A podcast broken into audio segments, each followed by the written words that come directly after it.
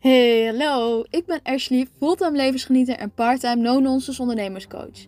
Super leuk dat je luistert naar een nieuwe aflevering van de Ashley Timmermans podcast.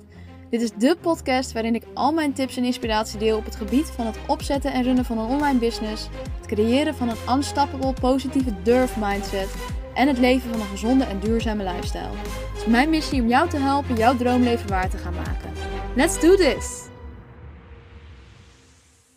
Welkom bij deze nieuwe podcast waarin ik jullie wil delen hoe ik uh, mijn internetconnectie heb geregeld, uh, zowel thuis als als ik onderweg ben.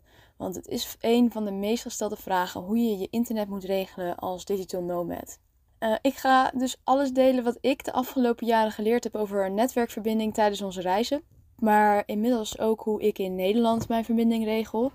Um, en ik zal je delen waar je absoluut rekening mee moet houden als je uh, van plan bent last minute nog je abonnementen wijzigen. Omdat je bijvoorbeeld op reis gaat en internet nodig hebt in het buitenland. En ook zal ik delen hoe mijn setup momenteel is. Waar ik zeer tevreden over ben op één minpuntje na. Nou, uh, als digital nomad uh, werk je voornamelijk online. En je hebt dus een goede internetconnectie nodig. En dat klinkt uh, makkelijker dan het in de praktijk uh, vaak is. Want als jij rondreist, uh, en dan met name als je veel rondreist, en niet als je één plekje zit waar de connectie gewoon goed is, dan zal je merken dat dat vaak echt nog wel een grote struggle is. Zo heb ik dat zelf ook gemerkt. Um, ja, en als er geen goede internetconnectie is, dan kan je gewoon je werk niet doen. Dus dat heeft bij mij best wel vaak voor stresssituaties gezorgd omdat we dan toch moesten verkassen. Uh, nou, en als je dan ook nog uh, reist met een gezin, dan uh, kan je je voorstellen dat dat wel wat stress met zich meebrengt. Nou, waar moet je allemaal rekening mee houden als jij denkt aan een goede, stabiele internetconnectie? dat is wel, op welk netwerk jij zit, welk netwerk je gebruikt. Ehm, de bereikbaarheid op de plek waar je op dat moment bevindt. En die is echt zeer afhankelijk van allerlei omgevingsfactoren en de taken die je moet doen. Um, welke netwerken zijn er? Je bent als je op reis bent uh, buiten Nederland afhankelijk van zowel jouw Nederlandse provider en netwerk als uh, het netwerk waar jouw Nederlandse provider gebruik van maakt. En in Nederland zijn er drie providers: KPN, Vodafone en T-Mobile. Uh, drie netwerken, sorry. En op deze netwerken zitten dan weer de, de dochterbedrijven. Dus zo is bijvoorbeeld op het KPN-netwerk, maakt niet alleen KPN gebruik van, maar ook Ufone, Simyo en Lebara. Op het Vodafone-netwerk zit ook Hollandse Nieuwe en Ziggo. En op het T-Mobile-netwerk zit ook Ben en Simpel. En um, als je dus een simkaartje hebt van bijvoorbeeld Simyo, maak je gebruik van het KPN-netwerk. Nou, elk van deze netwerken heeft dan weer zijn eigen uh, satellieten. En uh, je merkt dus uh, gebruik van satellieten, laat ik het zo zeggen. En er zit echt een aanzienlijk groot verschil hierin. Nou, het KPN-netwerk is al meerdere malen uitgeroepen als het beste netwerk eh, van Nederland. En ik ervaar dat zelf ook zo. En ik zal jullie later vertellen waarom ik absoluut niet voor T-Mobile zou kiezen.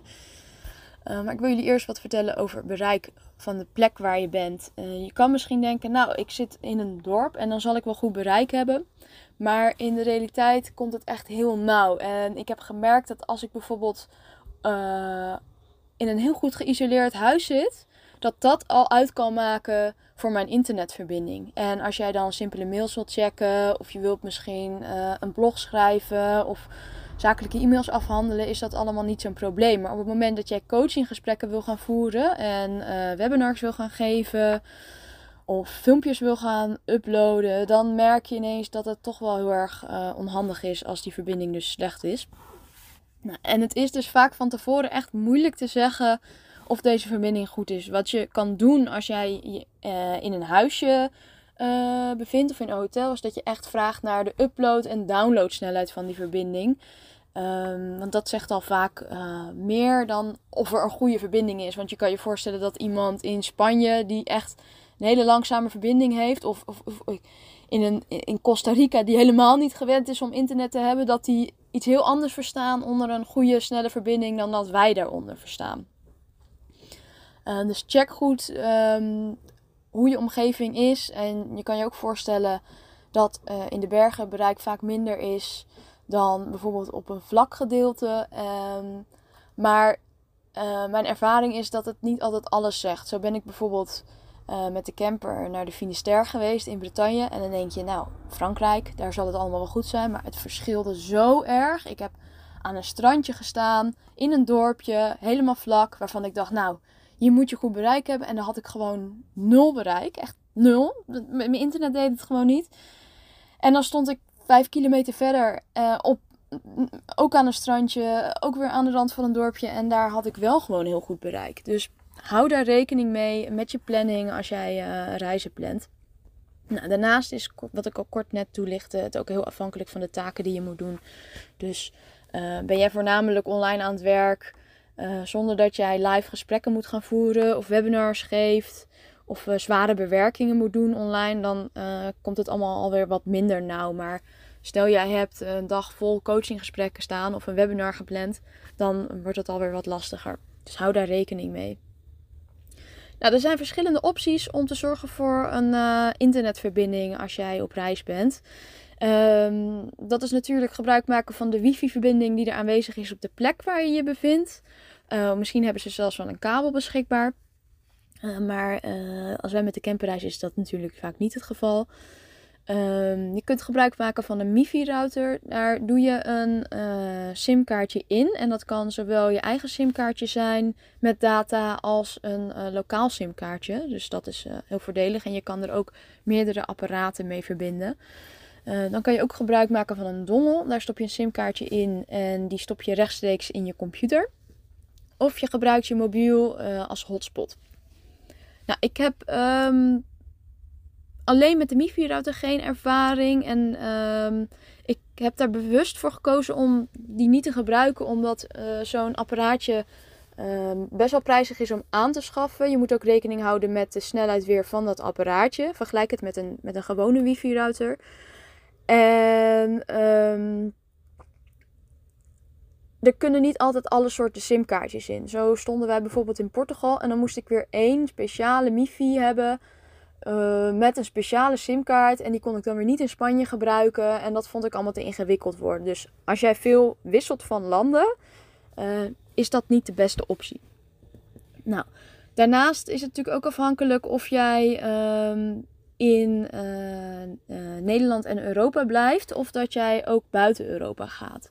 Nou, mijn ervaring is dat als jij buiten Europa gaat, kan je het beste op de plek zelf zorgen voor een simkaart of een internetverbinding. En uh, gewoon je privéabonnement van Nederland aanhouden. Want de kosten zijn gewoon te hoog om gebruik te maken van je Nederlandse abonnement buiten Europa.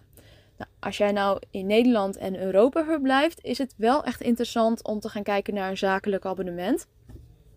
En dan is het belangrijk om jezelf de vraag te stellen hoeveel je van plan bent te gaan gebruiken. En of je daadwerkelijk van jouw simkaart gebruik wil maken of dat je ook gebruik gaat maken van de wifi uh, op de plek waar jij je gaat bevinden. Nou, sinds ik actief ben in de crypto wil ik zo veilig mogelijk met mijn internetverbinding omgaan. Uh, ook als jij niet actief bent in de crypto is het verstandig om dit te doen, want uh, tegenwoordig vinden er nou eenmaal vaak uh, internethacks plaats. En je wil daar gewoon niet te dupe van zijn. De, de, gevolgen daarvan zijn echt heel groot. Ik maak ook gebruik van een VPN, een Virtual Private Network Server. Om zo zo veilig mogelijk te werk te gaan. En zeker als je gebruik maakt van wifi-netwerken, is het aan te raden om zo'n VPN aan te schaffen. Die zijn helemaal niet duur. Uh, het is even een uitzoekwerkje, maar als je dat eenmaal um, uitgezocht hebt, dan kan je dat gewoon standaard aanzetten. En weet jij zeker dat jij veilig uh, kan surfen op het internet? Um, zij bedekken zeg maar jouw IP-adres, waardoor het minder snel, uh, waardoor je, je, je, laptop minder snel te hacken valt. Houd er wel rekening mee dat zo'n VPN je internetverbinding weer wat langzamer gemaakt, want het is zeg maar een tussenstap tussen de verbinding met het internet en jouw laptop. Dus je hebt dan je eigen laptop, dan gaat hij naar de VPN en dan gaat hij pas naar de verbinding waarmee jij uh, connectie maakt. Ja, ik zal jullie heel kort vertellen wat mijn ervaring is. Um, toen wij anderhalf jaar geleden op reis gingen en um, ik nog geen coachinggesprekken en webinars uh, gaf. Waardoor ik niet zo afhankelijk was, maar toch wel besefte dat ik natuurlijk internet nodig had. En, en we besloten dus heel erg last minute, last minute voordat wij op reis gingen. Uh, dat het handig zou zijn om een groter mobiel abonnement aan te schaffen. Nou, op de een of andere manier kwam het op dat moment niet in me op om dat zakelijk af te sluiten. En ik moet ook eerlijk zeggen dat het echt één dag voor vertrek was. Uh, dus de enige optie voor ons was dan ook uh, om naar een winkel te gaan en direct die simkaart in handen te hebben, zodat we de volgende dag wel op reis zouden kunnen gaan. En we gingen reizen met de camper door Europa. En na wat research bleek de beste en goedkoopste optie een unlimited abonnement te zijn van Tele2. En dat unlimited abonnement, dat is niet unlimited buiten Nederland. Maar je zou dan maximaal 16 gig hebben. Nou, ik bedacht me als Kees en ik nou allebei zo'n abonnement nemen met 16 gig dan moeten we al een heel eind komen. Op dat moment waren we druk bezig met Freedom Adventure en deden we vooral bloggen. Uh, dat betekent dus dat we afbeeldingen moesten uploaden en uh, de website moesten bijhouden en veel blogs moesten schrijven en social media bijhielden. Nou, dat ging prima. 32 gig was daar voldoende voor.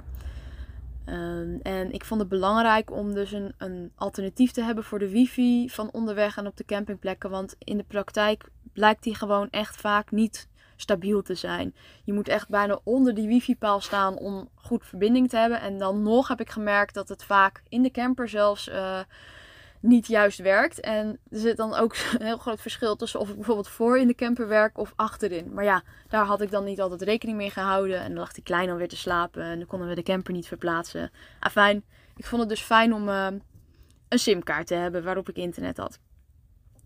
Nou, toen wij ongeveer vier maanden op reis waren, kreeg ik ineens een sms van T-Mobile. Terwijl ik bij Tele2 een abonnement afgesloten had. Ze waren dus gefuseerd sinds januari, maar ik, ik, ik wist dat niet. Ik was er ook niet van op de hoogte gebracht. Dus daarvan dacht ik al, wat is dit voor iets geks? Ik dacht eerst ook dat het spam was, maar dat was het dus niet. Um, en ik kreeg een bericht met dat ik meer gigabyte verbruikt had dan de periode dat ik in Nederland was. Dacht ik, ja, uh, de, ik heb mijn abonnement één dag voordat we weggingen uit Nederland afgesloten. Dus hoe kan ik nou meer verbruiken in Nederland dan op reis? En daardoor uh, werd ik verplicht om mijn gedrag aan te passen. Anders zou ik voor, de, voor deze maand uh, per MB gaan bijbetalen voor de gigabytes die binnen mijn bundel vallen. Dus dat abonnement wat ik al betaalde, met die 16 gig die ik mag gebruiken in Europa, zeiden ze eigenlijk dat ik dat niet meer mocht gaan gebruiken. Omdat mijn verbruik in Nederland minder was dan in het buitenland. En ik dan voor die MB's binnen mijn bundel extra moest gaan betalen. Nou, en die kosten kwamen dan op zo'n 72 euro per maand uit voor 16 gig. En we hadden twee van die abonnementen die we allebei gebruikten. Dus het werd ineens echt krankzinnig duur. En nou ja, ik ben gelijk gaan bellen met Tele2. Eh, de medewerker zelf wist er ook niks van. Die zei, nou, dat is allemaal niet zo. En ze begreep helemaal niks van mijn vragen.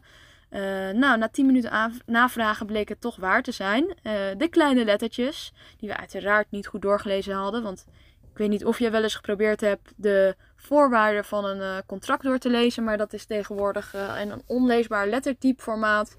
En dan 20 pagina's dik.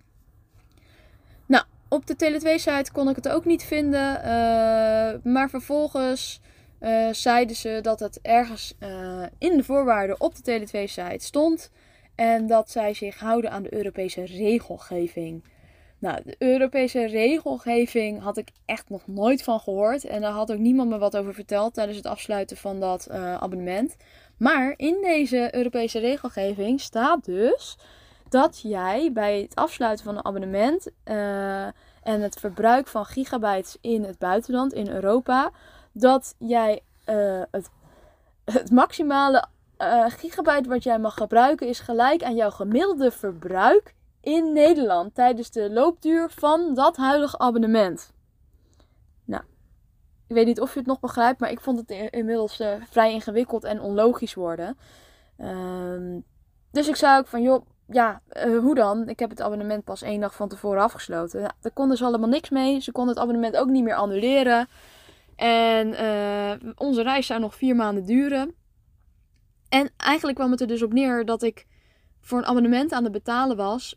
Waarvan ik uh, de gigabytes niet meer kon gebruiken. Tenzij ik 140 euro in totaal extra zou gaan betalen. Nou, En ik weet niet of je dit al wist, maar het lijkt mij dus verstandig om goed na te gaan uh, hoeveel MB's jij uh, in Nederland al verbruikt hebt en of jouw huidige abonnement al een langere tijd loopt. Want ik heb dit verhaal vaker gehoord en niet bij elke provider is dit zo. Um, maar bij Tele2 of hoe heet het nu, T-Mobile dus wel. En zij konden mij op geen enkele manier helpen en ze konden ook mijn abonnement niet opzeggen. En ik vond de klantenservice daadwerkelijk ruk. Uh, dus ik raad echt aan om niet bij T-Mobile een abonnement af te sluiten. En ik ben er ook direct weggegaan nadat mijn abonnement verliep. Nou, mijn situatie nu is dus dat ik een Vodafone abonnement heb lopen uh, die zakelijk is. Zij bieden daar twee verschillende opties in aan. Eentje is dat je unlimited gebruik in Nederland hebt en 40 of 50 gig in het buitenland, in Europa dus. En de andere optie is dat jij een um, uh, extra simkaartje kan aanvragen, maar dan heb je geen unlimited in Nederland, maar dan heb je 150 gig in Nederland en 50 gig in het buitenland. Nou, ik had dus eerst unlimited in Nederland. Wij hebben ook geen uh, wifi-verbinding meer in onze verblijfplek hier in Nederland. En ik doe dus al mijn zakelijke dingen met dit abonnement. En sinds kort heb ik het dus omgezet naar de optie om een extra simkaart aan te vragen. Omdat ik merkte dat als ik mijn mobiel als hotspot gebruik, wat eigenlijk altijd prima werkt, maar zodra ik zelf webinars organiseer of deelnam aan een webinar en zelf ging praten, werd de internetverbinding heel langzaam. Nou, ik dacht dat het misschien aan mijn simkaart lag, maar nadat ik gebeld heb met de klantenservice van Vodafone bleek dat dit normaal is. Want op het moment dat jij een hotspot maakt van je mobiel, wordt de uploadsnelheid heel erg beperkt door die extra stap ertussen. Dat is de reden waarom ik dus nu een extra simkaart uh, voor data heb aangevraagd. En ik heb een dongel aangeschaft, zodat ik deze in mijn computer kan stoppen rechtstreeks en die tussenstap weghaal. Ik moet nog gaan testen hoe dit werkt met het geven van webinars. Maar voor nu werkt het echt super vlot en kan ik het iedereen aanraden. Want op deze manier eh, kan ik eigenlijk overal werken waar ik maar wil. Nou, daarnaast heb ik dus uh, nog een privé-abonnement met 10 gig. Die ik ook in het buitenland kan gebruiken op het KPN-netwerk in mijn mobiel zitten. Dus in totaal betekent dat dat ik 60 gig kan gebruiken als ik op reis ben in Europa. En wat hier het voordeel van is, is uh, dat ik dus op twee verschillende netwerken zit. Um, en ik heb gemerkt dat dat heel erg handig is. Want uh, toen ik in Frankrijk aan het reizen was, uh, het afgelopen reis, bleek dat niet altijd mijn Vodafone-netwerk werkte. Maar op het moment dat ik dan switchte naar mijn KPN-netwerk, kon ik wel gebruik maken van internet. En deed hij het wel gewoon uh, sneller en beter. Nou, die 10 gig was dan genoeg om dat op te vangen die dagen dat we minder bereik hadden op het Vodafone-netwerk. En op deze manier dekte ik mezelf dus altijd in. Dit is dus mijn setup momenteel. Uh, het bevalt me heel erg goed. En mochten daar wijzigingen in plaatsvinden, zal ik dat uiteraard laten weten. Uh, ik hoop dat jullie wat hebben gehad aan deze informatie om uh, jullie eigen internet zo handig mogelijk op te zetten. En mochten jullie nog vragen hebben, kunnen jullie mij altijd uh, bereiken op Instagram of via mijn site.